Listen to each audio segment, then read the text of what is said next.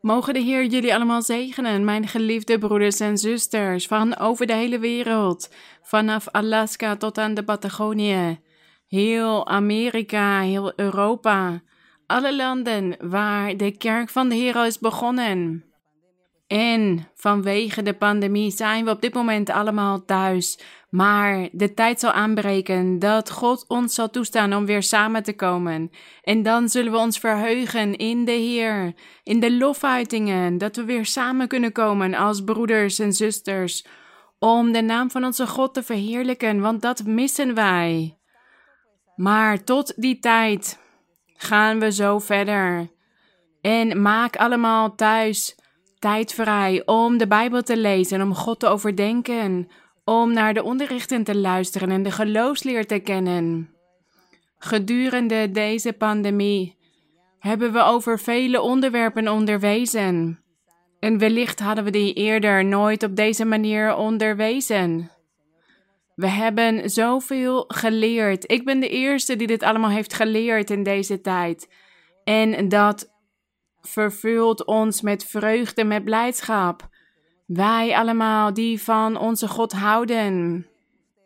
En wij willen de weg van onze koning blijven volgen. En ik neem aan dat jullie allemaal verheugd zijn en ook veel aan het leren zijn. En jullie schrijven mij over vele onderwerpen en vragen mij om hierover te spreken. En ik probeer al jullie suggesties in acht te nemen. Om over al deze onderwerpen te spreken. Want God heeft ons de Bijbel nagelaten om zijn wegen te leren kennen. Dus wij verheugen ons, wij verblijden ons in de Here. En ik groet alle broeders en zusters van over de hele wereld. In vele landen is de kerk begonnen, ook op vele eilanden. En de broeders van Colombia hebben mij geschreven waarom ik hen niet opnoem. Dus ik groet jullie ook. Maar ik kan niet alle landen apart opnoemen. Eén land wel en de andere landen niet. Dus ik kan geen onderscheid maken. Ik groet jullie allemaal. Ik zeg gewoon een groet voor al mijn broeders en zusters van de kerk van de Heer. En ik denk altijd aan jullie. En in mijn gebeden zijn jullie ook altijd aanwezig. Want ik bid altijd tot de Heer en vraag om barmhartig met jullie te zijn en vele wonderen te verrichten in jullie leven. En iedereen die mij schrijft, ik vraag ook aan de Heer om een wonder te doen in het leven van die persoon. Om die persoon te bevrijden of zijn mentaliteit te veranderen. Want er zijn velen ook die mij schrijven die zeggen dat ze hun leven willen beëindigen. Maar Laat de strijd niet gewonnen worden door de duivel. Laten we doorgaan, dapper zijn. Want dat is wat de duivel wil. Hij wil ons geestelijk leven vernietigen. Hij wil mensen ombrengen. Dus laten we dapper zijn. Wees standvastig en ga door. En mensen die nog nieuw zijn in de kerk, ik geef jullie deze raad. Lees de Bijbel. Vandaag gaan we het hebben over een mooi onderwerp, over bidden tot God, over het gebed. We gaan leren hoe tot God te bidden. We hebben het vorige week gehad over hoe we God moeten loven. En vandaag gaan we het hebben over het gebed. Zodat we allemaal weten hoe we tot God moeten bidden. Dus het onderricht gaat zeer aangenaam zijn vandaag. De glorie zij aan onze Heer. De glorie is aan de Almachtige, onze Koning, onze Zaligmaker. We danken onze Heer. U kunt allemaal plaatsnemen, waar u ook maar bent.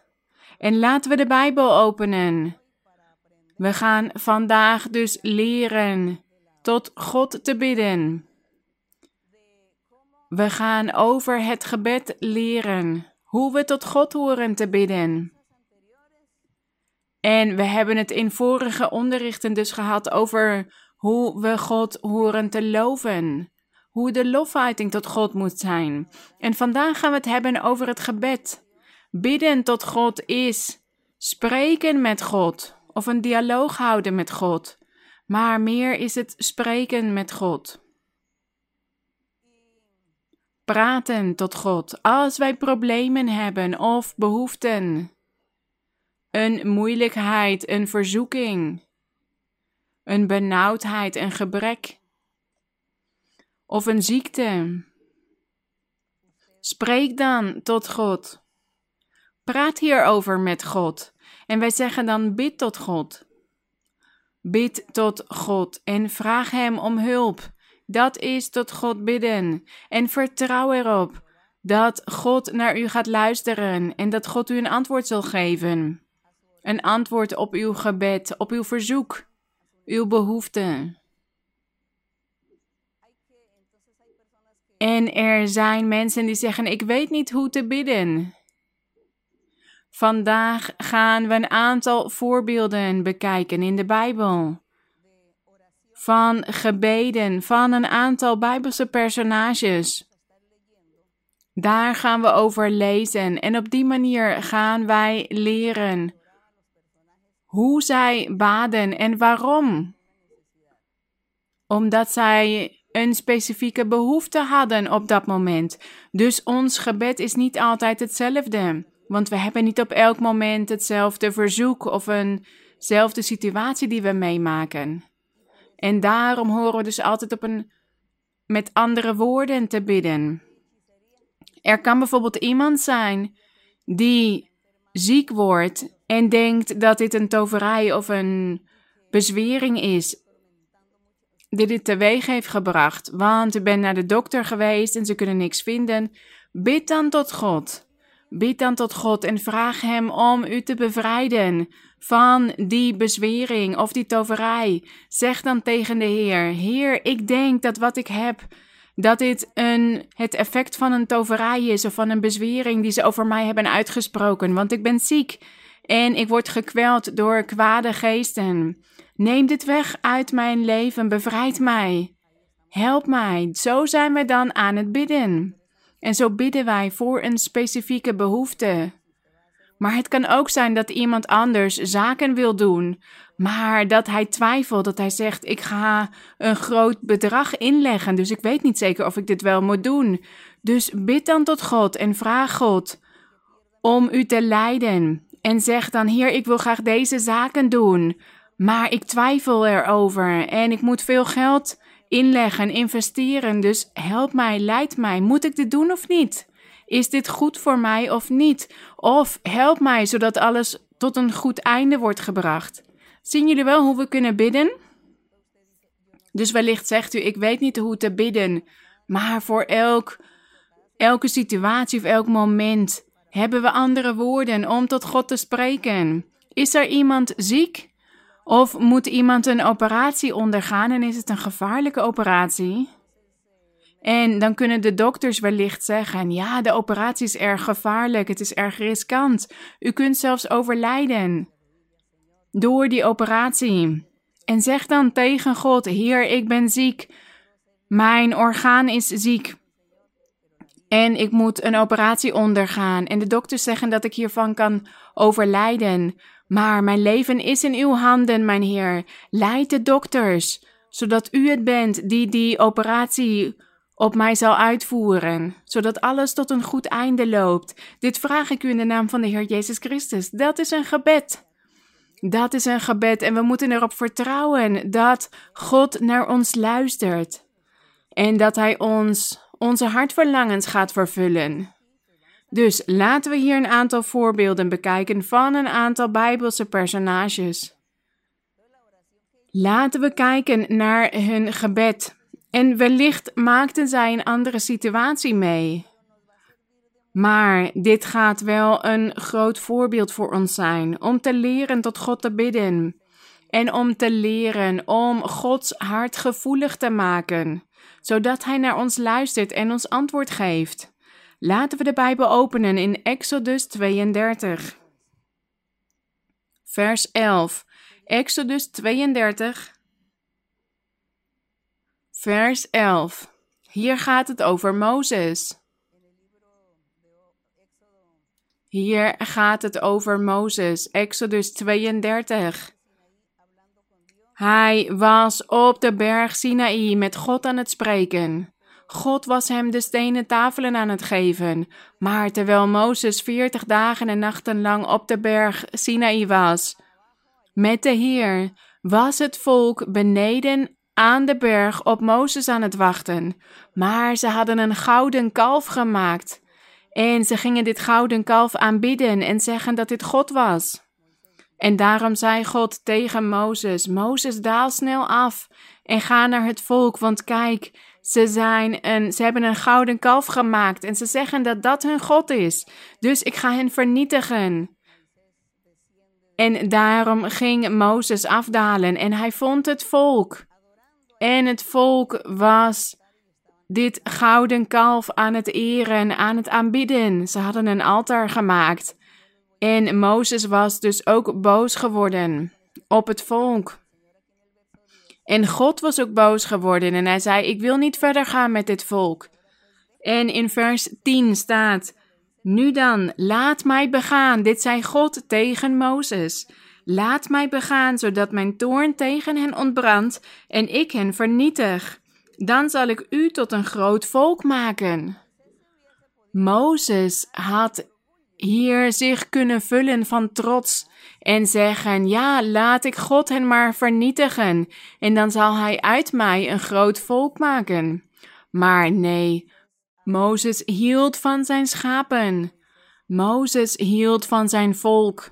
Het waren zijn kinderen. De schapen van zijn kudde. Hij had hen uit Egypte geleid, waar zij als slaven hadden gewoond en hij hield van hen. En natuurlijk was Mozes ook boos geworden dat zij een gouden stierkalf hadden gemaakt en dat ze die aan het aanbidden waren in plaats van God. Maar Mozes ging voor hen bidden, want hier staat in vers 11: Maar Mozes trachtte het aangezicht van de Heere zijn God gunstig te stemmen. Hij begon dus te bidden, want hij zei: Hier staat, hij zei: dit was zijn gebed. Here, vergeet niet voor de mensen die nieuw zijn dat Here uit het Hebreeuws komt en dat het God betekent in onze taal, in het Nederlands is het God. Hij zei, Here, waarom zou uw toorn ontbranden tegen uw volk? Dat u met grote kracht en sterke hand uit het land Egypte geleid hebt. Waarom, Heer, waarom zou u dit doen? Want de Egyptenaren zullen dan zeggen, hier staat in vers 12, waarom zouden de Egyptenaren zeggen, of bekritiseren, of uitlachen en zeggen, met kwade bedoelingen heeft hij hen uitgeleid, om hen in de bergen te doden en hen van de aardbodem te vernietigen. Heeft Mozes daarom het volk uit Egypte gebracht? Dat is wat Mozes tegen God zei. De Egyptenaren zullen dit zeggen: dat ik de Israëlieten uit hun land heb geleid om hen daarna in de woestijn te laten omkomen. Dat kan niet zijn. Vergeef hen. Dit kan niet zo zijn. Vergeef hen, zodat dit volk kan blijven bestaan. En ik zal hen onderwijzen en ik zal hen zeggen dat ze tot inkeer moeten komen en u om vergeving moeten vragen. Maar ik wil niet dat een heidens volk u gaat uitlachen en gaat zeggen dat u, die machtige God, het volk van Israël uit Egypte heeft geleid om hen daarna in de woestijn te laten overlijden. Dat waren de woorden van Mozes. En hij zei ook: Laat uw brandende toorn varen en heb berouw over het kwaad voor uw volk. Denk aan Abraham, aan Isaac en aan Israël, uw dienaren, aan wie u bij uzelf hebt gezworen en tot hen gesproken hebt. Hij had aan Abraham en Isaac en Jacob beloofd dat ze een groot volk zouden worden. En we zien dus dat Mozes hier niet tot God aan het bidden was voor genezing. Dat hij zei: Heer, we zijn ziek, genees ons. Of Heer, we hebben voedsel nodig. Of kijk naar die achtervolgingen, help ons. Nee. Hij was tot God aan het bidden, want God zou hen straffen en hij zou het hele volk gaan vernietigen.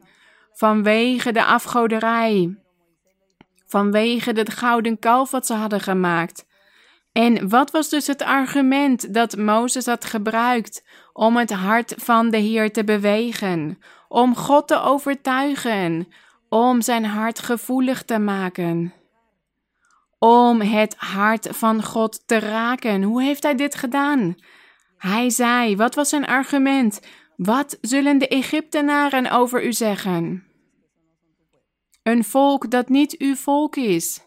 Dat u en dat ik, Mozes, hen uit Egypte heb geleid om hen daarna hier in de woestijn te vernietigen.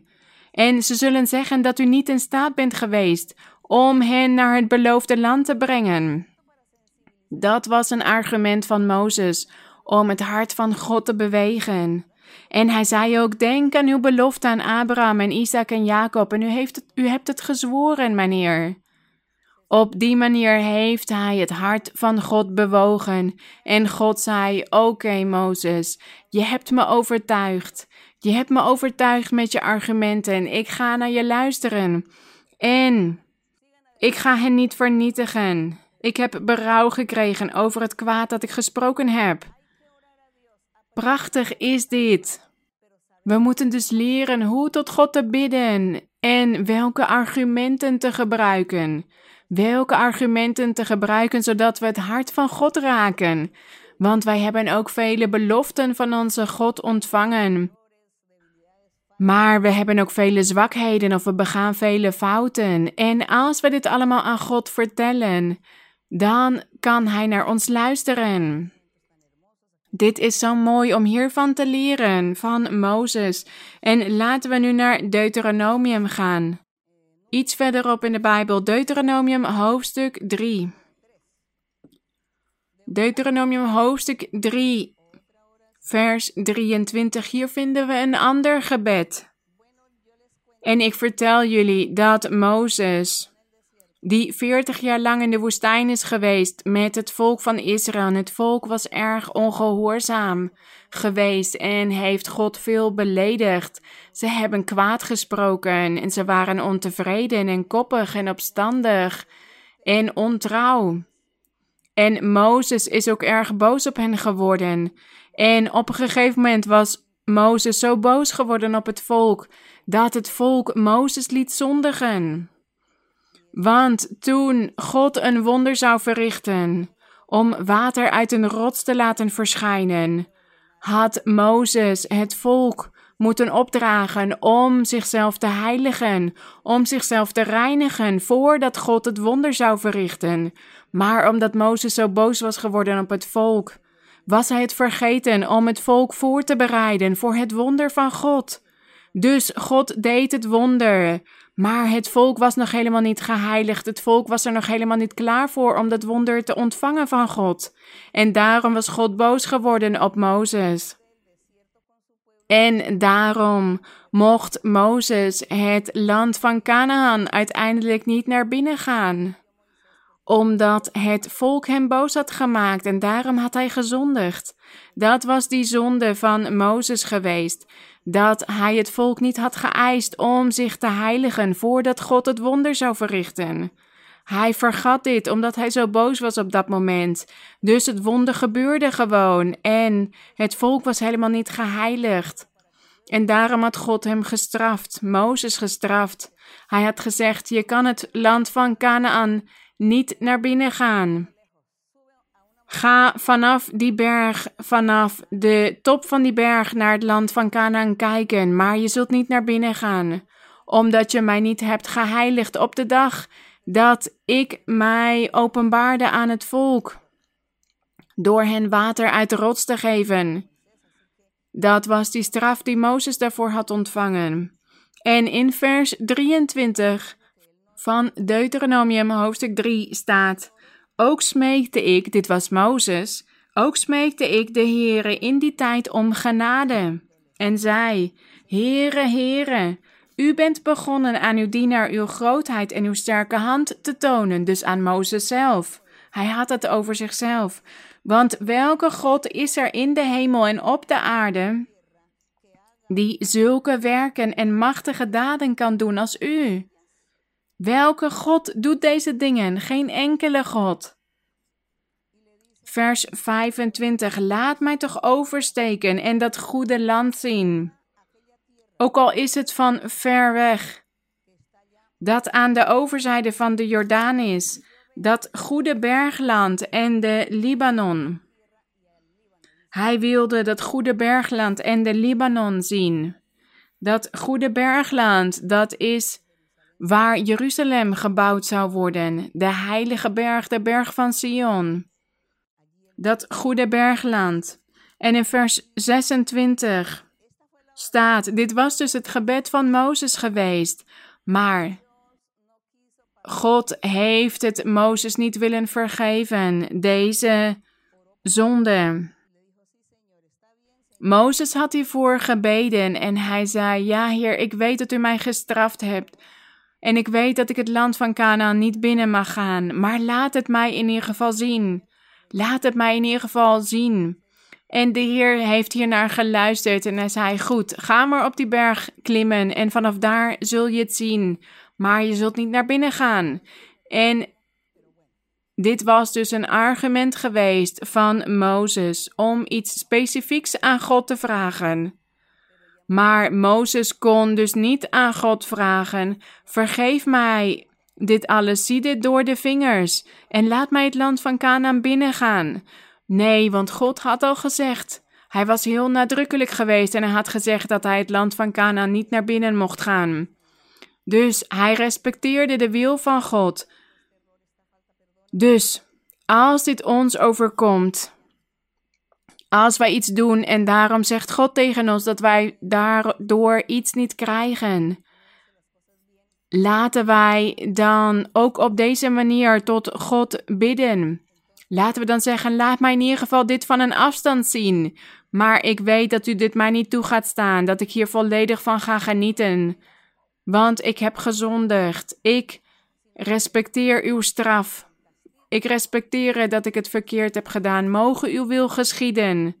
Mogen uw wil geschieden. Het enige wat ik aan u vraag is om mij nooit alleen te laten. Verlaat mij niet. Blijf naar mij kijken, blijf uw hand naar mij uitstrekken. Dat is het belangrijkste. Dat is wat ik u vraag, mijn Heer. Dat zijn argumenten om te bidden tot God. Als wij op die manier spreken tot God, dan zijn wij aan het bidden. En laten we naar Eerste Koningen gaan. Eerste Koningen, we gaan een aantal lange gebeden lezen. We gaan eerst naar Eerste Koningen, hoofdstuk 8. Eerste Koningen, hoofdstuk 8.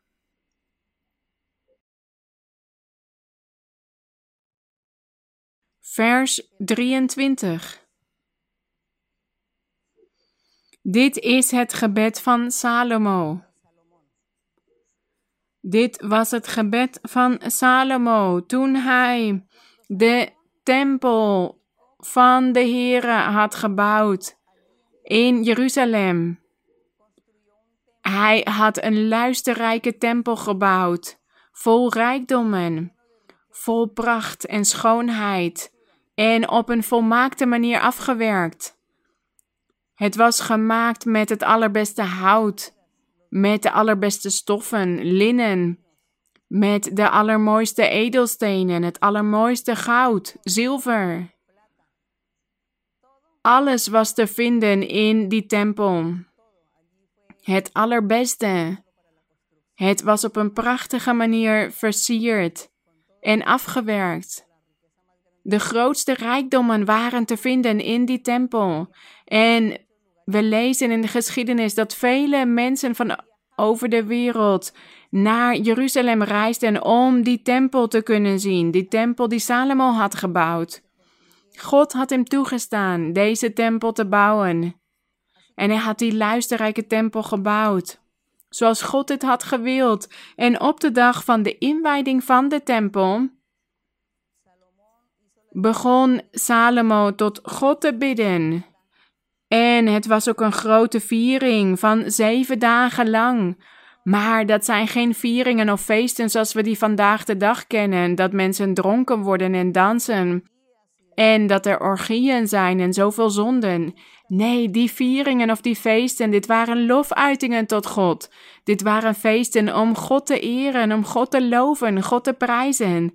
En er was eten en drinken, ja, maar de mensen moesten constant God aan het loven zijn. En zo was het ook bij de inwijding van deze tempel.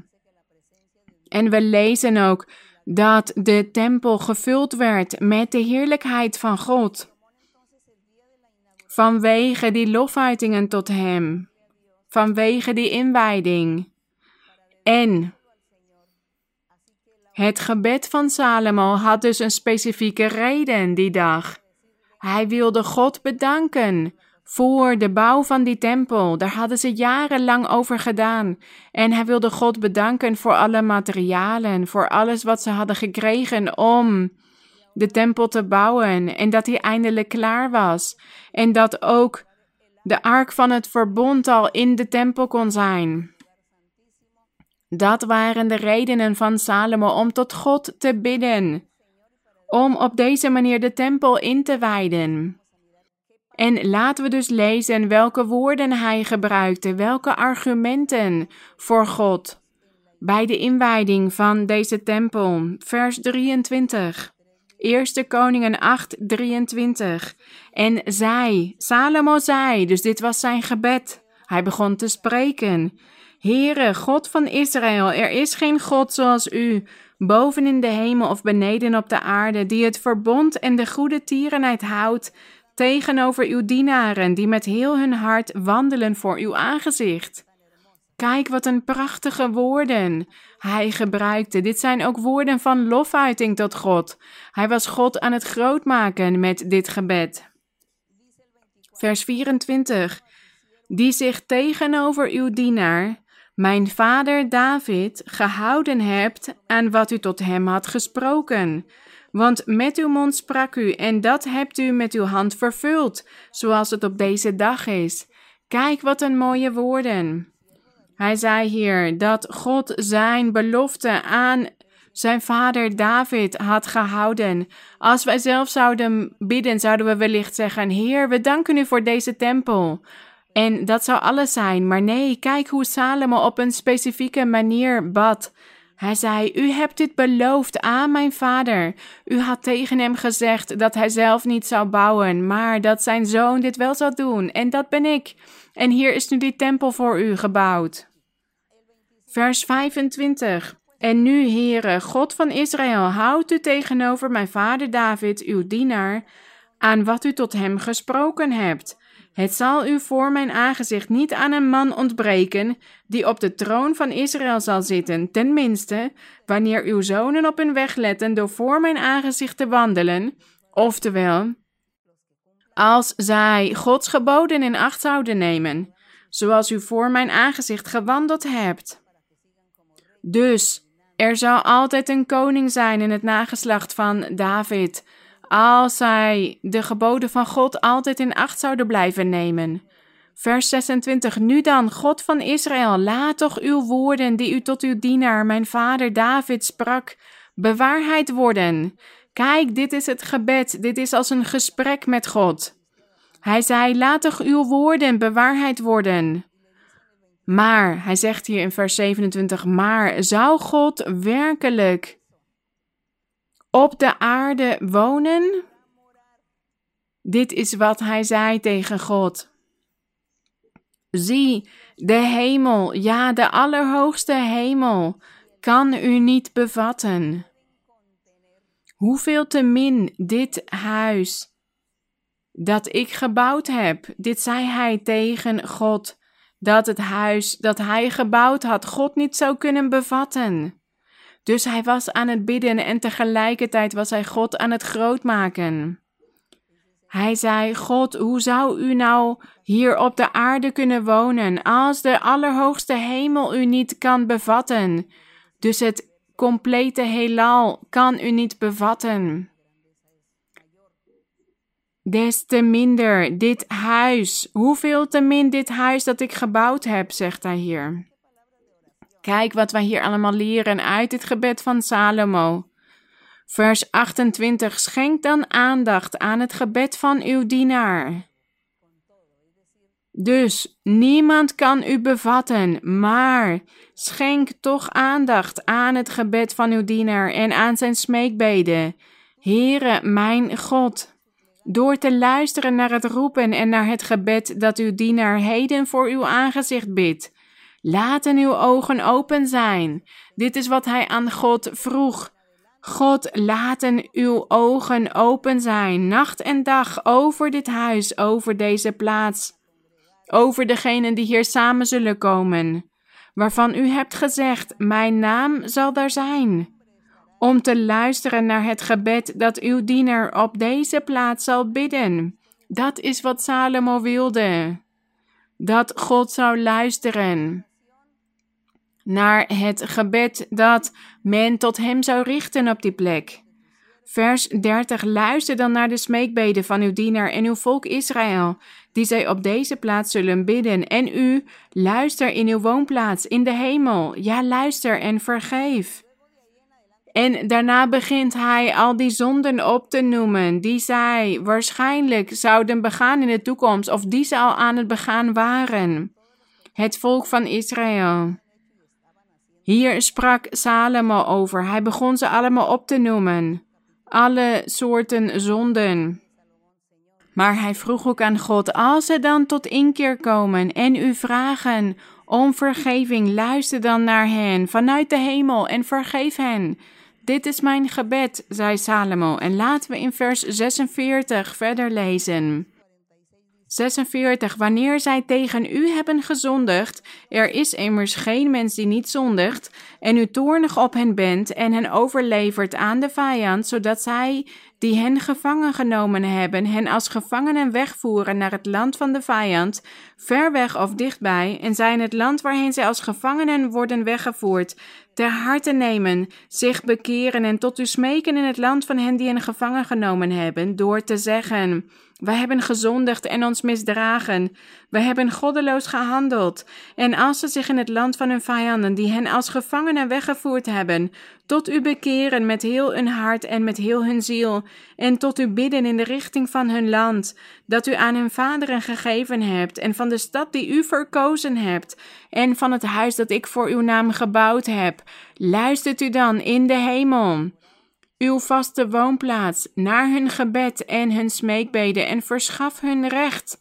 Vergeef uw volk datgene waarmee zij tegen u zondigden en al hun overtredingen waarmee zij tegen u overtraden en geef een ontferming bij hen die hen als gevangenen wegvoerden, zodat die zich over hen ontfermen, want zij zijn uw volk en uw eigendom, door u uit Egypte geleid, uit het midden van de ijzeroven. Laten uw ogen dan open zijn voor de smeekbeden van uw dienaar en voor de smeekbeden van uw volk Israël, door naar hen te luisteren bij al hun roepen tot u. Want u hebt hen voor uzelf als uw eigendom afgezonderd uit alle volken van de aarde, zoals u gesproken hebt door de dienst van Mozes. Dit zijn allemaal argumenten.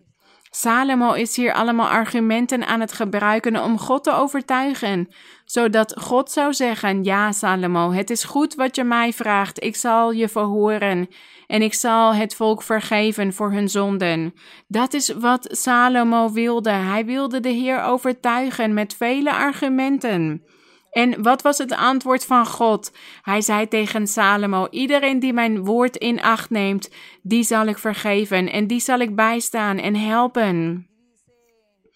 En Salomo zei dus in vers 53: Want u hebt hen voor uzelf als uw eigendom afgezonderd uit alle volken van de aarde, zoals u gesproken hebt door de dienst van Mozes, uw dienaar, toen u onze vaderen uit Egypte leidde. Here, here. En hij bleef tot God bidden. En wat zei God tegen Salomo als een antwoord op dit gebed? Dat degenen die de geboden van hem in acht zouden nemen, door God gezegend zouden worden. En dat die vergeven zouden worden en genezen en bevrijd. De Heer wist dat het volk afgoderij zou plegen. En dat zij alle gewoonten en gebruiken van alle buurlanden zouden overnemen. De Heer wist dit al. God wist dit, dat het volk van Israël van zijn weg zou afwijken en dat hij hen zou moeten straffen. en dat hij hen van voor zijn aangezicht zou moeten verdrijven. En hij heeft dit niet op dit moment tegen Salomo willen zeggen. Hij heeft Salomo gewoon laten bidden met al die prachtige en wijze argumenten. En God heeft Salomo hiervoor beloond, voor dit prachtige gebed. Hoewel de dingen niet zo zijn verlopen zoals Salomo dit vroeg hier aan de Heere, want het volk had gefaald, het volk had God verlaten. Dus wat kunnen wij vandaag de dag doen? Wij hebben ook vele redenen om tot God te bidden, om ons voor de Heer te presenteren. En Hij zal tegen ons zeggen: Ja, dat is goed, maar je moet wel mijn geboden in acht nemen. Je moet het kwaad afleggen en een heilig leven leiden, zodat ik jou kan zegenen, zodat ik jou kan vergeven en jou kan helpen om door te gaan. Dus als wij een nederig, eenvoudig, nobel hart hebben voor onze God en zeggen: Heer, ik erken dat ik heb gezondigd. Ik erken dat ik hierin zwak ben of daarin zwak ben of mijn zwakheid is dit of mijn zonde is dat. We moeten het specifiek zeggen tegen de Heer. Dus we zeggen niet tegen God: Vergeef mij al mijn zonden. Nee. We kunnen bijvoorbeeld zeggen: als het een man is, kunnen, kan hij zeggen: Heer, ik houd van zoveel vrouwen en ik ga achter alle vrouwen aan en ik vind iedereen leuk en ik pleeg ontucht en overspel. En ik word beheerst door al die kwade geesten in mij. Help mij, bevrijd mij, neem die kwade geesten uit mij weg, want ik wil uw geboden in acht nemen. Ik wil u behagen. Dan bent u tot God aan het bidden met een argument. En als God ziet dat er oprechtheid in uw hart is, dan zal God u bevrijden. En hij zal dit uit u wegnemen. En er kan iemand anders zijn die altijd steelt. En die kan dan zeggen: Heer, ik heb deze kwade geesten in mij en laten mij altijd stelen. Als ik ergens ben, neem ik altijd iets weg. Ik neem altijd iets mee. Ik steel overal en ik ga ook met andere mensen om die ook stelen. En ik heb zoveel dingen gedaan. We moeten het allemaal specifiek vertellen aan God. En zeggen: Heer, ik wil deze weg niet blijven volgen. Ik wil uw weg volgen. Bevrijd mij, verander mij. Want daar is het gebed voor. En dat is het gebed dat God verhoort. Als wij dat verlangen hebben om te veranderen, en zo zal de Heer ons helpen als wij dit aan Hem vragen. Maar we kunnen dus niet zeggen: Heer, vergeef mij al mijn zonden. Nee, we moeten ze opnoemen. We moeten onze zonden opnoemen en niet alleen maar zeggen: Heer, vergeef mij. Nee. Laten we op een heel gedetailleerde manier tot God spreken over alles in ons leven. Net zoals we deze personages hebben gezien die vertelden over wat de Heer had beloofd en wat het volk allemaal had gedaan. Ze noemden alles op en daar houdt God van. God houdt van dit soort gebeden. En laten we verder gaan naar het boek Daniel. Laten we naar een gebed van Daniel kijken. Het gebed van Salomo was dus erg mooi geweest, maar God heeft hier uiteindelijk niet naar geluisterd, omdat het volk afgodendienaars waren geworden en ze begonnen doden en demonen te vereren, te aanbidden en ze begonnen ook offers te brengen aan de demonen. En zij eerden hen. En we zien vandaag de dag ook dat er vele mensen zijn, vele landen, vele volken, waar de doden worden geëerd. En de dood ook bijvoorbeeld. Ze noemen hem dan de heilige dood. De dood is een geest. De dood is een geest, een demon. En hij wordt vereerd op sommige plekken en dan noemen ze hem de heilige dood. En we zien ook dat het volk van Israël ook die weg had genomen, want zij begonnen ook de demonen te aanbidden en te vereren en de doden. En God had hen dit verboden. Zij mochten geen doden vereren en ook geen standbeelden of afbeeldingen. Dat ze, ze mochten geen afbeelding maken of een standbeeld en zeggen dat dit een heilige was, een God voor hen. Of een schilderij, een afbeelding en dat dit de Heer Jezus Christus was of de koning of God zelf. Nee, God heeft dit verboden sinds het begin der tijden. Hij is in geest en waarheid en zo wil hij aanbeden worden. Maar het volk van Israël begon ook de zon en de maan en de sterren en de sterrenbeelden te aanbidden en te vereren. En zij namen afstand van de weg van God en daarom had het gebed van Salomo. Het bracht uiteindelijk geen vrucht voort. Het had geen positief effect gehad, omdat het volk de weg van God had verlaten en het slechte had gedaan. Maar wij zijn hier dus van aan het leren hoe we horen te bidden, welke argumenten we kunnen gebruiken in ons gebed, om onze God te kunnen overtuigen.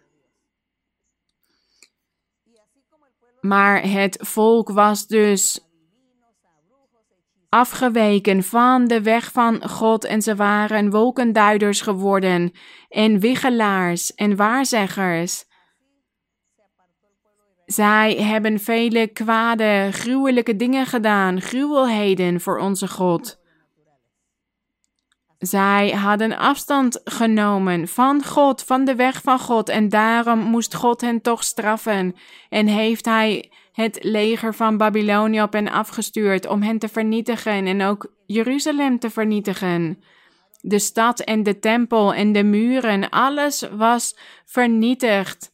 En er was veel sterfte op die dag en velen, degenen die overgebleven waren, die werden naar Babylonië meegenomen als ballingen, als gevangenen, als slaven, als dienaren. En daar hebben ze 70 jaar gewoond. En Daniel was ook onder hen. Daniel en zijn vrienden. En we gaan nu lezen in Daniel hoofdstuk 9. En Daniel was hier in Babylonië. En hij begon alle dingen te herdenken, alles wat er in Israël, in Jeruzalem was gebeurd.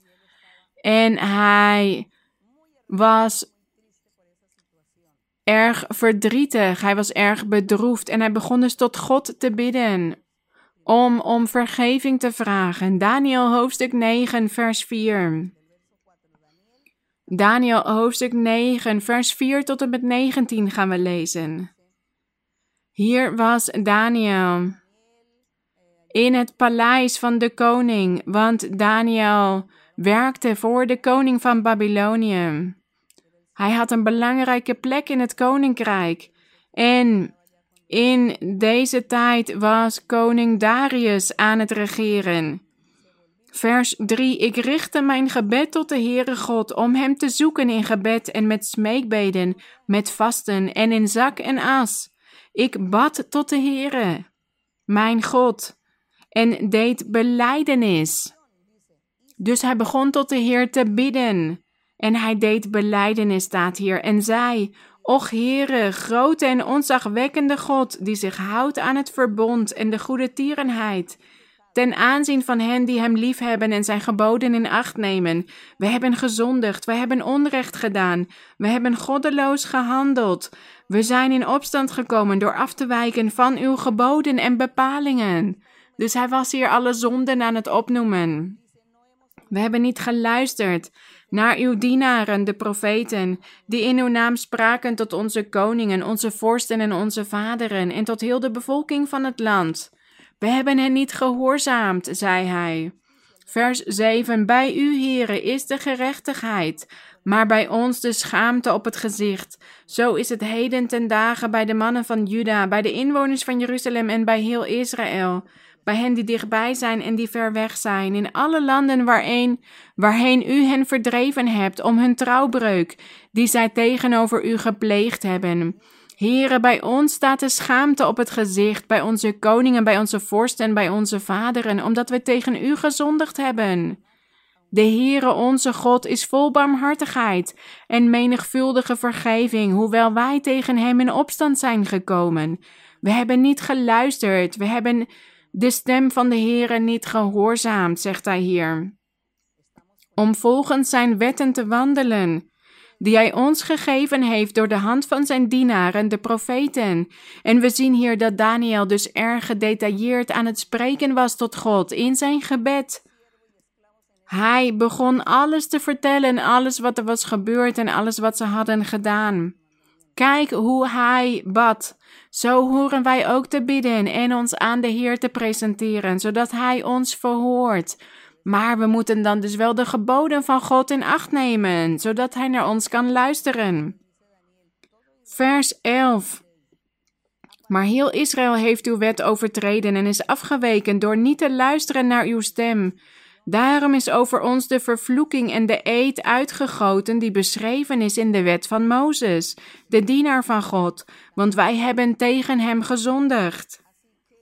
Dus hij zegt hier dat Mozes in de wet die vervloekingen had laten opschrijven. Er waren zegeningen voor de gehoorzamen en vervloekingen voor de ongehoorzamen. En omdat ze allemaal ongehoorzaam waren geweest, leden ze allemaal onder die vervloekingen. Vers 12. Hij heeft zijn woorden bevestigd die hij gesproken heeft tegen ons en tegen onze richters die ons leiding gaven, door over ons een groot onheil te brengen dat zich onder heel de hemel nergens heeft voorgedaan, zoals zich dat in Jeruzalem voorgedaan heeft. Hij sprak hier over hoe God die straf had toegestaan, zo'n vredesstraf voor Jeruzalem, zoals nergens anders gezien was. De muur, de muren waren vernietigd, de tempel, de hele stad en vele mensen waren overleden door honger, anderen door de pest en anderen door het zwaard. En hij had nooit gehoord dat dit ergens anders was overkomen. Vers 13. Zoals het beschreven is in de wet van Mozes, is altijd onheil over ons gekomen. Wij hebben het aangezicht van de Heere onze God niet getracht gunstig te stemmen door ons af te keren van onze ongerechtigheden en verstandig met u, met uw waarheid om te gaan. Dit waren zijn argumenten voor God. Vers 14. Daarom heeft de Heere over het onheil gewaakt en heeft hij het over ons gebracht. Want de Heere onze God is rechtvaardig in al zijn werken die hij gedaan heeft, aangezien wij naar zijn stem niet geluisterd hebben. Dus hij beargumenteerde hier. Heer, wij hebben niet naar u geluisterd, u had profeten naar ons gestuurd naar de koningen en ze hebben niet geluisterd. Vers 15. Nu dan, Heere onze God, u die uw volk met sterke hand uit het land Egypte geleid hebt. Onder leiding van Mozes, zei hij, en u een naam gemaakt hebt zoals hij heden ten dagen is. Dit zijn ook argumenten van Daniel tot de Heer. Hij zei: U hebt uw volk met sterke hand uit het land Egypte geleid onder leiding van Mozes, en u hebt u een naam gemaakt. U bent beroemd geworden, bekend.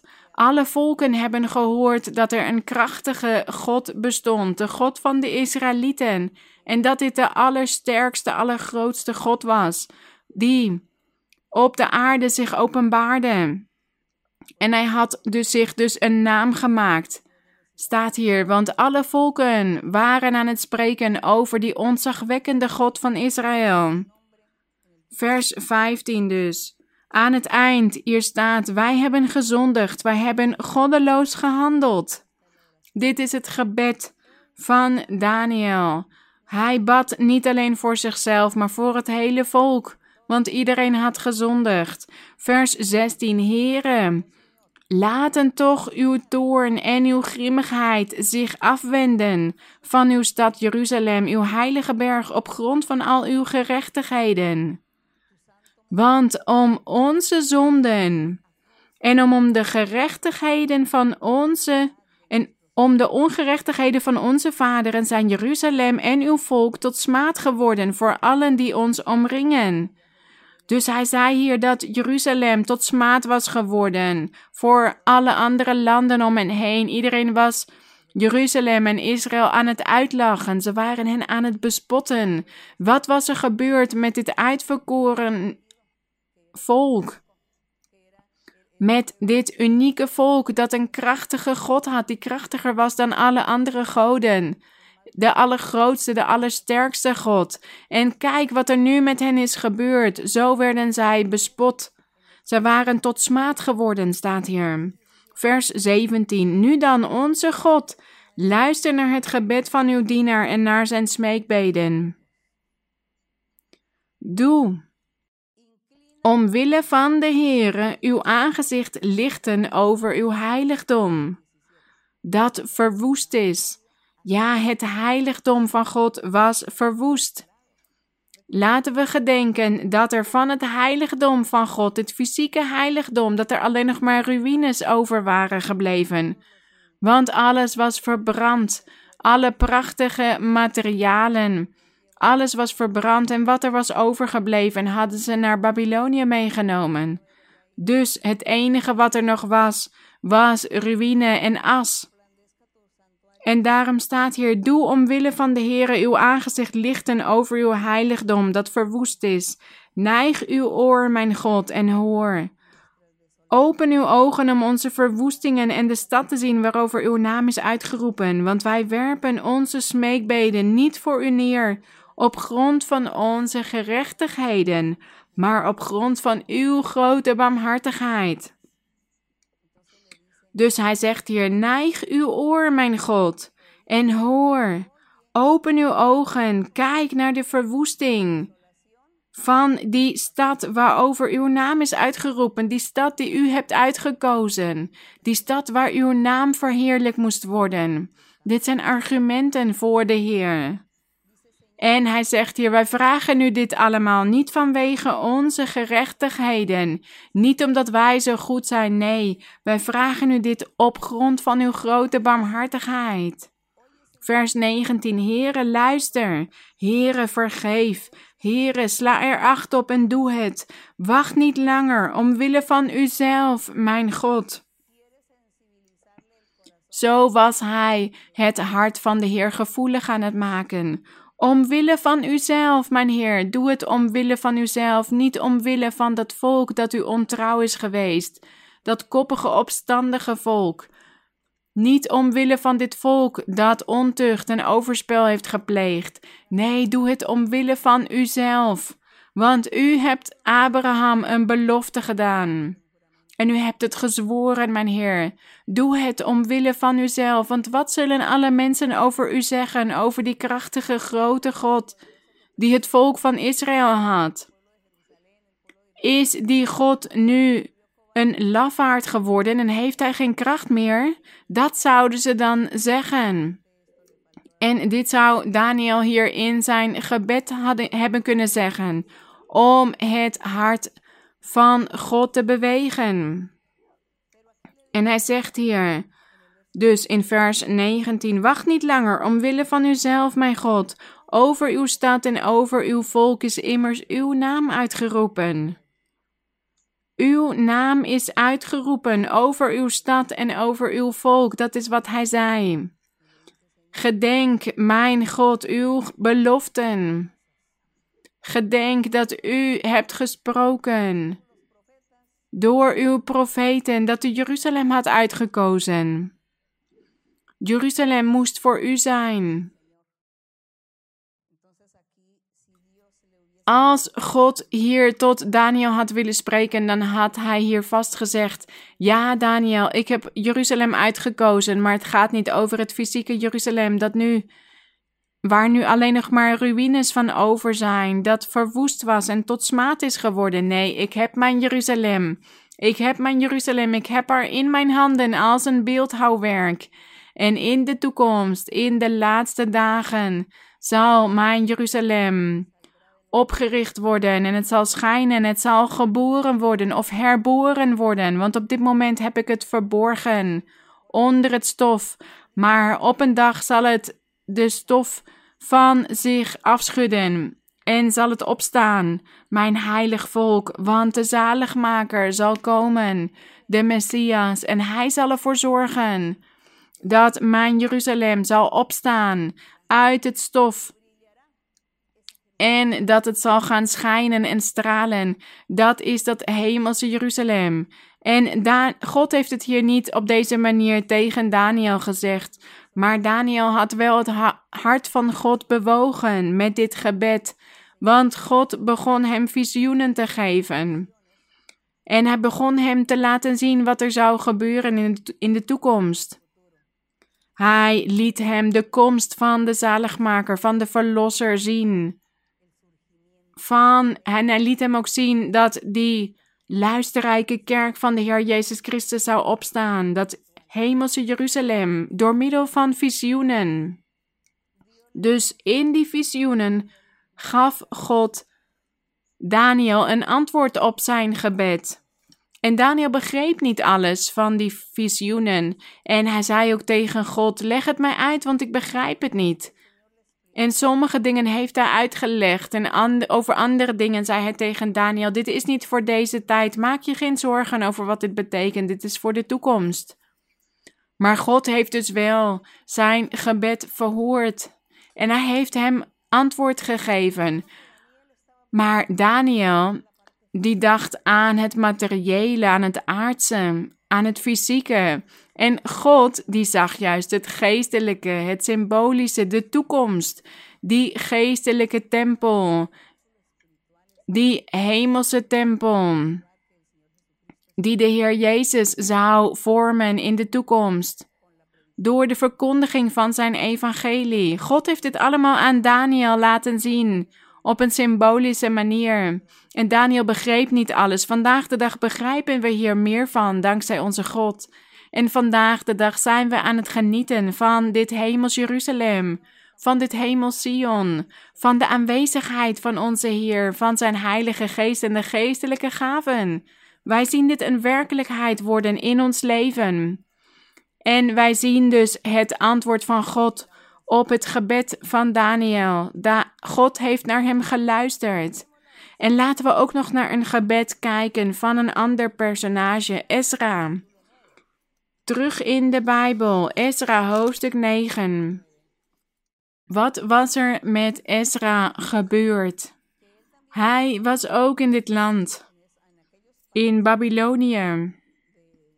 Ezra was een priester en een schrijver. En Daniel had dus gebeden en God heeft hem verhoord. En daarna heeft hij toegestaan dat Ezra en Nehemia naar Jeruzalem konden terugkeren om de stad weer op te bouwen, om de muren en de tempel weer te laten herrijzen. Ze zouden het weer opnieuw bouwen. En God had Ezra en Nehemia hierin bijgestaan, samen met Zerubabel en ook met een priester, Jozua. God stond hen bij om de tempel en de stad weer opnieuw op te bouwen. En hij had ook een aantal profeten aangesteld om hen te leiden in die tijd. Dit waren Haggai, Zacharia en Malachi. Zij hebben in die tijd geprofeteerd. Nadat Daniel dus zijn gebed had gedaan en Ezra en Nehemia naar Jeruzalem mochten terugkeren om de tempel op te bouwen. Maar voordat zij terugkeerden naar Jeruzalem, waren ze nog als slaven in Babylonië. Hier in Ezra hoofdstuk 9, vers 6. Ezra hoofdstuk 9, vers 6. Ezra was erg bedroefd, want hij hoorde veel slecht nieuws over Jeruzalem. Hij had vele afgezanten naar Jeruzalem gestuurd, terwijl Ezra zelf in Babylonië was, want ze hebben daar zeventig jaar lang gewoond, als gevangenen, als ballingen.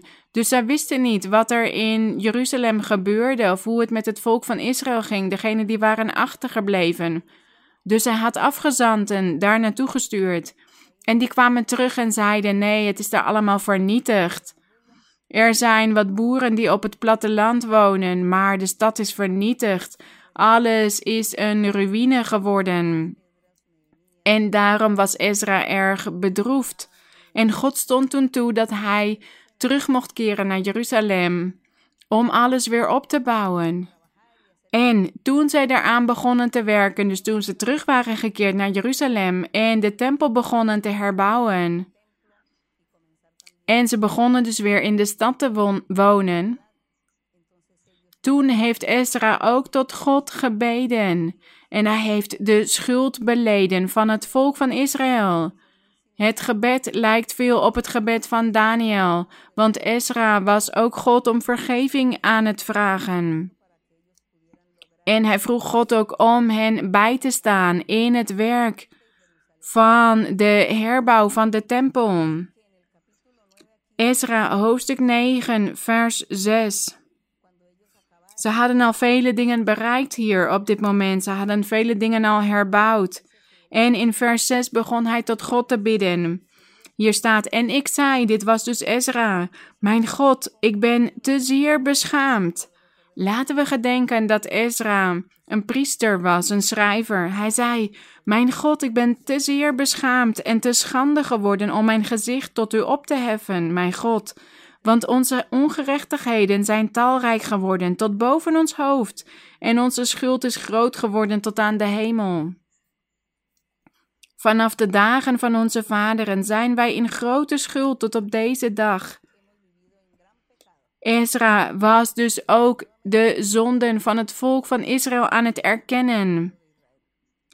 En hier staat: En door onze ongerechtigheden zijn wij overgegeven, wij, onze koningen en onze priesters, in de hand van de koningen van de landen rondom, aan het zwaard, aan gevangenschap en aan plundering en openlijke schande, zoals op deze dag.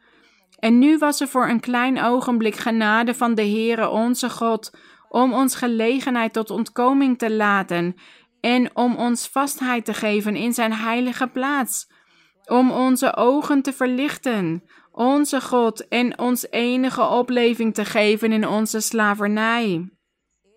Hij was hier de fouten, de zonden aan het erkennen. Maar hij was ook aan het erkennen dat, hoewel de Heer hen zwaar had gestraft, dat hij toch ook een overblijfsel had bewaard, dat hij hun leven had bespaard. En dat waren zij zelf, degenen die als ballingen naar Babylonië waren meegenomen. Dat was het overblijfsel van het volk van Israël. Zodat niet het hele volk van Israël om zou komen. Want de Heer Jezus Christus moest uit hen voortkomen, want God had Abraham gezworen dat hij die vader zou worden van vele volken. Dus deze groep waar ook Ezra en Nehemia toe hoorden, zij waren het overblijfsel en uit hen is de Heer Jezus Christus voortgekomen. Daarom had God een overblijfsel bewaard. Hoewel dit overblijfsel vele vernederingen meemaakten, ze hebben 70 jaar lang als slaven gewoond. En ze waren erg vernederd, maar God had hun leven bewaard, zodat de Messias uit hen voort zou komen. Maar ze hebben dus wel de gevolgen van hun zonden moeten onderzien. En in vers 9, hier staat: Want wij zijn wel slaven. Maar in onze slavernij heeft onze God ons niet verlaten. Hij erkende dat God toch bij hen was geweest. Maar heeft hij ons goede tierenheid bewezen bij de koningen van Perzië door ons enige opleving te geven om het huis van onze God te doen herrijzen en om de ruïnes ervan te herstellen, door ons een omheining te geven in Juda en in Jeruzalem. Hij was dus God aan het bedanken. Want God had ervoor gezorgd dat de koningen van Perzië toestemming hadden gegeven aan Ezra en Nehemia en deze groep van ballingen die mochten terugkeren naar Jeruzalem om hen te laten terugkeren. God had dit gedaan. God had hen bijgestaan voor deze koningen. God had hen toegestaan dat ze terug mochten om de tempel weer op te bouwen. En daarom bedankt hij God in dit gebed. Vers 10. En nu, wat zullen wij hierop zeggen, onze God? Wij hebben immers uw geboden verlaten. Hij zegt hier: Wij hebben uw geboden verlaten, die u had gegeven door de dienst van uw dienaren, de profeten, door te zeggen: Het land dat u binnengaat om het in bezit te nemen, oftewel het land van Canaan, is een onrein land, door de onreinheid van de volken van de landen rondom, door hun gruwelen, waarmee zij het hebben gevuld van het ene einde tot het andere einde, met hun onreinheid. Dus met hun onreinheid en afgoderij, hun zonde, hadden zij dat land onrein gemaakt. Het was niet meer een heilig land, het was een onrein land geworden. Want laten we herinneren dat alle koningen in dat land, dat ze vele gruwelijk, gruwelijke dingen hebben gedaan in de tempel van Salomo. Dat zij doden en demonen hebben vereerd. En al die afgodische ontucht die plaatsvond in de tempel van de Here. En daarom was Jeruzalem een onrein land geworden, want de tempel van de Here was ontheiligd. En daarom staat hier dat het een onrein land was geworden. Vers 12. Ezra zegt hier in zijn gebed tot de Heer: Welnu, u mag uw dochters niet aan hun zonen geven, aan de vreemdelingen. Dat is wat God tegen hen had gezegd. En hun dochters mag u niet ten huwelijk nemen voor uw zonen. U mag tot in eeuwigheid niet naar hun welstand streven of naar het goede voor hen, opdat u sterk zult zijn en het beste van het land zult eten en het uw kinderen in bezit zult geven tot in eeuwigheid. Dus hij herhaalt hier wat God tegen hen had gezegd, wat God hen had geboden, dat ze niet met die vrouwen mochten trouwen, die vrouwen van de vreemde volken, maar ze hebben hier nooit naar geluisterd. En dat is wat Ezra hier erkent voor God. Vers 13. Na alles wat door onze slechte daden en door onze grote schuld over ons gekomen is, terwijl u, onze God, verhinderd hebt dat wij ten onder zouden gaan vanwege onze ongerechtigheden, en u ons gelegenheid tot ontkoming gegeven hebt, zoals deze. Dus hij was hier God dankbaar dat hij hen had laten ontkomen uit Babylonië en dat zij weer de tempel mochten opbouwen. En hij zei hier: Nu kunt u vervullen alles wat u Abraham en Isaac en Jacob hebt beloofd, want we zijn weer teruggekeerd en we gaan de tempel weer opbouwen. Dit is wat hij allemaal tot God aan het vertellen was. Vers 14: Zullen wij dan terugkeren om uw geboden te breken en om huwelijksbanden aan te gaan met de volken die deze gruwelen doen? Zou u dan niet tot vernietigens toe op ons toornen, zodat er geen overblijfsel of ontkoming meer zou zijn? Hij zegt de Heer, als wij nog een keer zondigen, dan gaat u ons vast vernietigen. Dan gaat u ons van de aardbodem laten verdwijnen. En u zult zelfs het overblijfsel vernietigen. En wij verdienen dat ook vanwege al onze zonden. Vers 15. Heere, God van Israël, u bent rechtvaardig. Want er is ons gelegenheid tot ontkoming gelaten, zoals op deze dag. Zie ons voor uw aangezicht in onze schuld. Want er is niemand die hierom voor uw aangezicht staande kan blijven.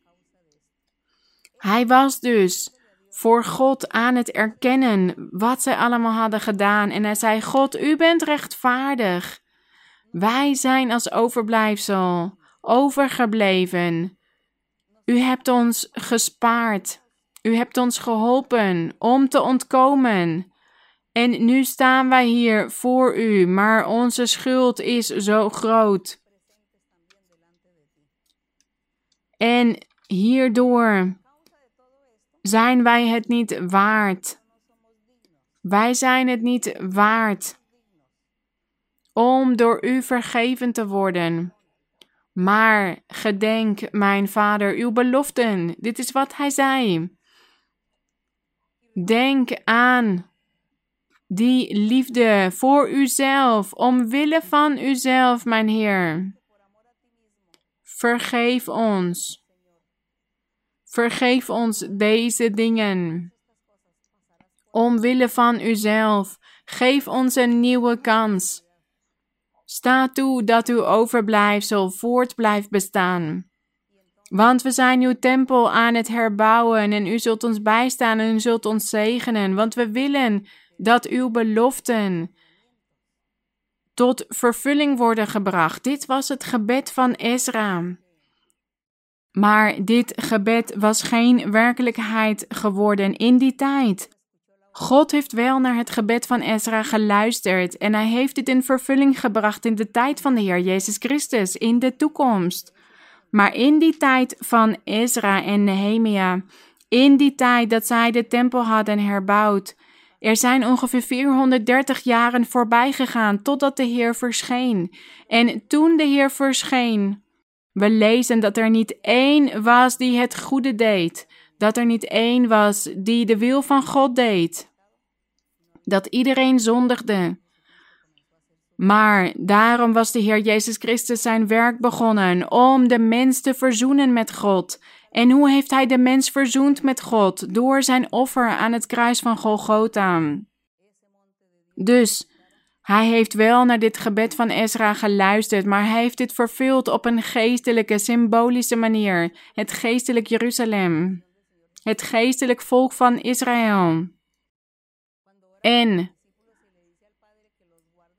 de Heer Jezus had ook voor zijn discipelen gebeden. En hij zei ook: Heer, ik vraag u niet om hen uit de wereld weg te nemen, maar bewaar hen van de wereld, bewaar hen van het kwaad van de zonde. Zorg ervoor dat zij uw wil kunnen doen. Zij en degenen die hen zullen volgen in dit evangelie. Sta hen bij, help hen, bescherm hen, bewaar hen, zodat uw werk door kan gaan. Zodat er altijd mannen en vrouwen zullen zijn die u volgen, die u loven, die u prijzen zodat er altijd kinderen van u op de aarde zullen zijn, degenen die kinderen van God zullen worden genoemd. En dit zal zo zijn, want de Heer heeft dit zo beloofd, dat Hij een volmaakt volk zal vormen. Dus de gebeden zijn veel waard. Deze gebeden zijn veel waard voor God. En we hebben vele gebeden van andere personages niet gelezen, maar uit deze voorbeelden kunnen we veel argumenten halen en we zien dat ook ons gebed waardevol is voor God als wij de wil van God doen. Maar als wij niet de wil van God doen, als wij willen blijven zondigen, dan kunnen we bidden en bidden, maar God zal niet naar ons luisteren. God zal ons niet verhoren. Als wij willen dat God ons gebed verhoort, dan moeten wij bekering in ons hart hebben.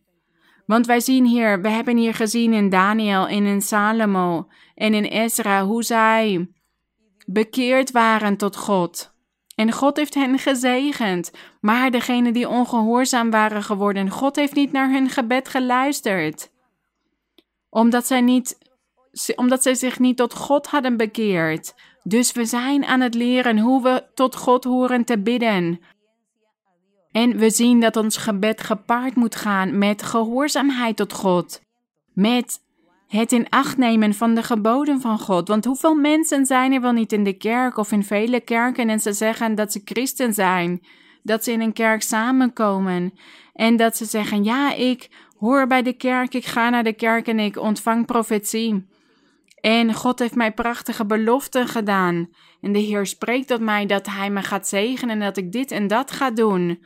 Maar als deze personen in hun zonde blijven leven, ze zijn nog gewoon dezelfde dingen aan het doen in de wereld als, voor, als van voordat ze God leerden kennen. Zo zijn er bijvoorbeeld velen die nog steeds aan toverij doen en bezweringen en waarzeggerij. En ze komen naar de kerk en ontvangen profetie en ontvangen vele beloften. En ze komen naar de kerk toe en ze doen net alsof ze zich tot God hebben bekeerd. En wellicht kunnen ze de mensen in de kerk bedriegen, ja, maar ze kunnen God niet bedriegen. Dus het gebed van deze personen, denken jullie dat God naar hen zal luisteren? Als ze op deze manier leven, als ze niet tot inkeer komen, als ze zich niet tot God bekeren, dus dat ze nog steeds aan hekserijen en toverijen doen en in bijgeloof geloven. Dat ze veel bijgeloof hebben. En anderen leven in ontucht, in overspel. Of ze bedriegen en liegen en stelen. En ze bidden dan wellicht tot God. En ze beginnen vele dingen aan God te vragen, maar zeggen dan: God luistert niet naar mij. Als u wilt dat God naar u luistert, moet u eerst tot inkeer komen, u tot God bekeren en afstand nemen van de zonde. Dat is de enige manier waarop uw gebed compleet kan zijn. Zo zijn we dit aan het leren vandaag. We danken onze God. Hoe mooi is dit? We weten dus dat we moeten bidden met argumenten, dat we gedetailleerd tot God moeten spreken over alles. Maar gedenk dus, ons gebed moet gepaard gaan met bekering, inkeer. En dat we onze fouten en onze zonden erkennen. Er zijn velen die hebben vele wereldse gebruiken en bijgeloof. Maar als wij in God geloven, horen wij geen bijgeloof meer te hebben. Als u bijvoorbeeld naar de kerk toe komt, maar dan gaat u de kerk uit en komt u iemand tegen en zegt: Ah, u lijdt onder bezweringen of tover, toverij. Ik heb voor u hier een talisman of een afweermiddel, een amulet of een speciale armband, speciale kleding of een speciale ketting. En als u dit draagt, dan zal deze bezwering geen effect op u hebben. En ondertussen blijft die persoon naar de kerk te komen en bidt tot God om deze vervloekingen weg te nemen of bezweringen, maar ondertussen dus ook naar die mensen gaat en allemaal kleding en accessoires en al die dingen accepteert en aandoet en draagt om beschermd te worden tegen het kwaad, om demonen af te schrikken. Zo zeggen mensen dat. Maar als we dit doen, dan zijn onze gebeden voor God niks waard. We moeten afstand nemen van al dit bijgeloof. God is kracht. God is krachtig. En als God tegen u zegt: Ik zal je bevrijden. Ik zal bezweringen van je wegnemen. Geloof daarin, dat is genoeg. U hoeft geen speciale kleding aan te doen, of kleding van een bepaalde kleur, of dat u een ketting of een armband om moet doen, of een amulet moet hebben om beschermd te worden. Dat is bedrog. Dat als u naar de kerk toe komt en dit allemaal aan God vraagt om u te beschermen. Maar als u ondertussen in dat soort dingen gelooft, dan zullen de demonen juist naar u toe komen en zich in uw lichaam hechten. Want ze zien dat u in hen gelooft en in dit soort dingen gelooft. Wij moeten compleet zijn voor God. Dus als ik tot God bid en ik erken dat ik heb gezondigd en dat ik ben gestraft door God vanwege mijn ongerechtigheden, vanwege mijn fouten. En God om vergeving vraagt, dan moet ik mij ook onderschikken aan de geboden van onze God. Dan moet ik zijn wil doen. Maar nee, er zijn dus velen die in deze dagen, in deze tijden van feesten en vieringen en bijgeloof en speciale, speciale gerechten die doen hier dan aan mee en die zeggen: Ja, ik moet dat gerecht, dat brood of die taart van de doden eten op die specifieke dag. Om de doden te vereren. We lezen in de Bijbel dat het volk van Israël ook offerkoeken begon te maken voor de koningin van de hemel, voor koningin Astarte. En zo zijn er vandaag de dag ook velen die aan dit soort dingen meedoen. Aan het geloof, het bijgeloof van vele mensen. En als u hier aan meedoet, aan deze vieringen en deze afgoderij, dan zal uw gebed niet door God verhoord worden. Want God verhoort uw gebed als u op de rechte weg loopt en als u al dit bijgeloof aflegt. Want u zult niet overlijden van de honger als u dat brood dat voor die doden is gemaakt, of voor de demonen als u dat niet opeet. Want ze maken dan een brood voor de doden en daarna delen ze dit onder iedereen uit om hier een stukje van te eten. Maar u zult er niet aan de honger overlijden als u hier niet aan meedoet. U kunt vele dingen eten, maar doe dit niet als er iets is dat is geofferd aan een demon of aan een dode. Want als u dan tot God zal bidden, dan zal God uw gebed niet verhoren. God zal dan zeggen: Je hebt mijn weg nog niet begrepen. Je neemt mijn geboden niet in acht. Waarom zou ik naar je gebed luisteren? Je zegt, je zegt prachtige dingen in je gebed, maar je leeft niet goed voor mij. Dus, mijn geliefde broeders, en iedereen die hier naar luistert, mensen die nieuw zijn in de kerk, wees niet bedroefd, raak niet beledigd vanwege mijn onderrichten. Mijn onderrichten zijn wellicht zo, maar dit is zo omdat ik het beste voor jullie wil. Ik wil dat God jullie kan zegenen, dat God naar jullie gebeden kan luisteren, dat God bij jullie kan zijn en jullie vrede en rust en genezing en bevrijding geeft. Dat is wat ik wil en daarom wil ik jullie de waarheid onderwijzen. Ik wil dat jullie al dit kwaad kunnen afleggen in jullie leven, zodat God ons regens van zegen kan sturen. Mogen de eer en de glorie voor onze God zijn. Mogen God jullie groot zegenen en jullie bevrijden. En jullie wijsheid en intelligentie geven om dit alles te kunnen begrijpen. Om de weg van mijn God te kunnen begrijpen. De weg naar het eeuwige leven. Laten we bidden. Heilige God, eeuwige Vader, Vader van onze Heer Jezus Christus, onze grote, krachtige God, de God van Abraham, van Isaac en van Jacob, de God van Mozes, van Daniel, van Ezra en Nehemia. Die grote God die bij die grootste personages bent geweest, uw profeten, uw dienaren, en u hebt vele dingen openbaard. En u sprak tot hen over vele dingen en u liet hen naar een koppig en opstandig volk gaan. Een blind volk. En de profeten waren soms vol angst. Ze wilden niet altijd uw bericht naar het volk overbrengen, want ze wisten niet wat zij, hoe het volk zou reageren, maar u zei altijd tegen hen: Vervul uw plicht, onderwijs, profeteer, vermaan. En dat is wat u van ons wil, mijn Heer. Het gehoorzaam zijn is beter dan vele slachtoffers. En wij leren hiervan, mijn Heer. Wij leren hiervan, mijn Heer, dat wij alles moeten onderwijzen, mijn Heer. Help ons om alles te kunnen begrijpen. Geef inzicht en wijsheid om dit alles in ons hart te kunnen bewaren, in ons verstand zodat we uw geloofsleer in ons kunnen opslaan en uw geboden in acht kunnen nemen, uw wil kunnen doen en u in alles kunnen behagen, mijn Heer. Hemelse Vader, ik dank u, mijn God, mijn Koning.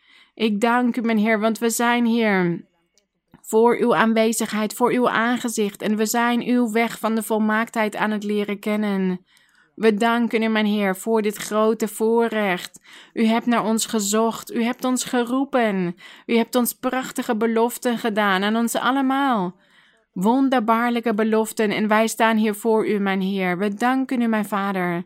Wij zijn het niet waard, al die zegeningen die u ons wilt geven, mijn Heer, maar uw barmhartigheid en uw liefde is zo groot. En uit uw barmhartigheid hebt u ons geroepen en ons hier voor uw aangezicht gezet. We danken u, mijn Heer. De glorie en de eer zij aan u, mijn Heer. Mijn Vader, ik vraag u op dit moment om barmhartig te zijn met iedereen die ziek is, met velen die ziek zijn. U weet dat er mensen zijn van alle leeftijden die ziek zijn, die thuis of in het ziekenhuis liggen, waar dan ook. En ze hebben pijn, ze lijden. En degene ook die slachtoffer zijn geworden van toverijen en bezweringen. Strek uw krachtige hand uit, mijn Heer. En ook degene die in de gevangenis zitten. Help hen. Bescherm hen. Bewaar hen.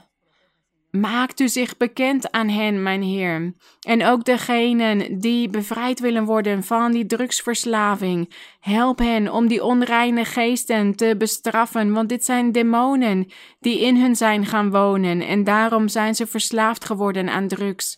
Dit zijn die kwade geesten die hen hiertoe aanzetten. Wees barmhartig, mijn Heer. Want ze lijden en ze laten ook alle mensen om zich heen lijden.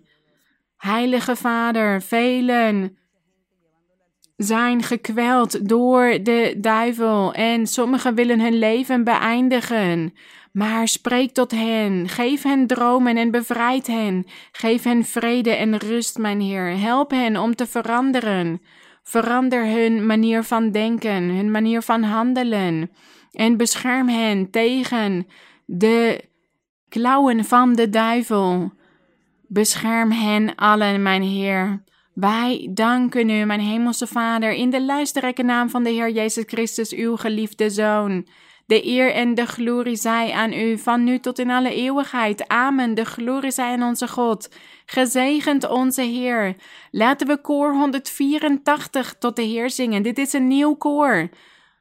Dit staat op CD nummer 6. Ik weet niet wanneer dit zal uitgebracht worden. Misschien volgend jaar? Koor 184. Weet u niet zonder, weet u niet zonder dat de Heer Jezus u kan redden? Wist u dit niet? Weet dit dan. Koor 184. Weet u niet zonder dat Jezus de Heer zijn kostbaar bloed vergoot, zijn kostbaar bloed vergoot. Weet u niet zonder dat Jezus de Heer zijn kostbaar bloed vergoot, zijn kostbaar bloed vergoot. Het is vergoten, het is vergoten voor uw zonden. En voor mijn zonden vergoot hij ook zijn bloed. Het is vergoten, het is vergoten voor uw zonden. En voor mijn zonden vergoot hij ook zijn bloed. Weet u niet zonder dat Jezus de Heer zijn kostbaar bloed vergoot, zijn kostbaar bloed vergoot. Weet u niet zonder dat Jezus de Heer zijn kostbaar bloed vergoot, zijn kostbaar bloed vergoot. Het is vergoten, het is vergoten voor uw zonden. En voor mijn zonden vergoot hij ook zijn bloed. Het is vergoten, het is vergoten voor uw zonden. En voor mijn zonden vergoot hij ook zijn bloed. Wij danken onze Heer, wij danken onze God. Wij danken onze Hemelse Vader. De eer en de glorie zij aan Hem. Mogen God jullie groot zegenen. Ga door. Wees dapper. Ga door, want we moeten het eeuwige leven verkrijgen. Mogen God jullie zegenen. Ik hou van jullie.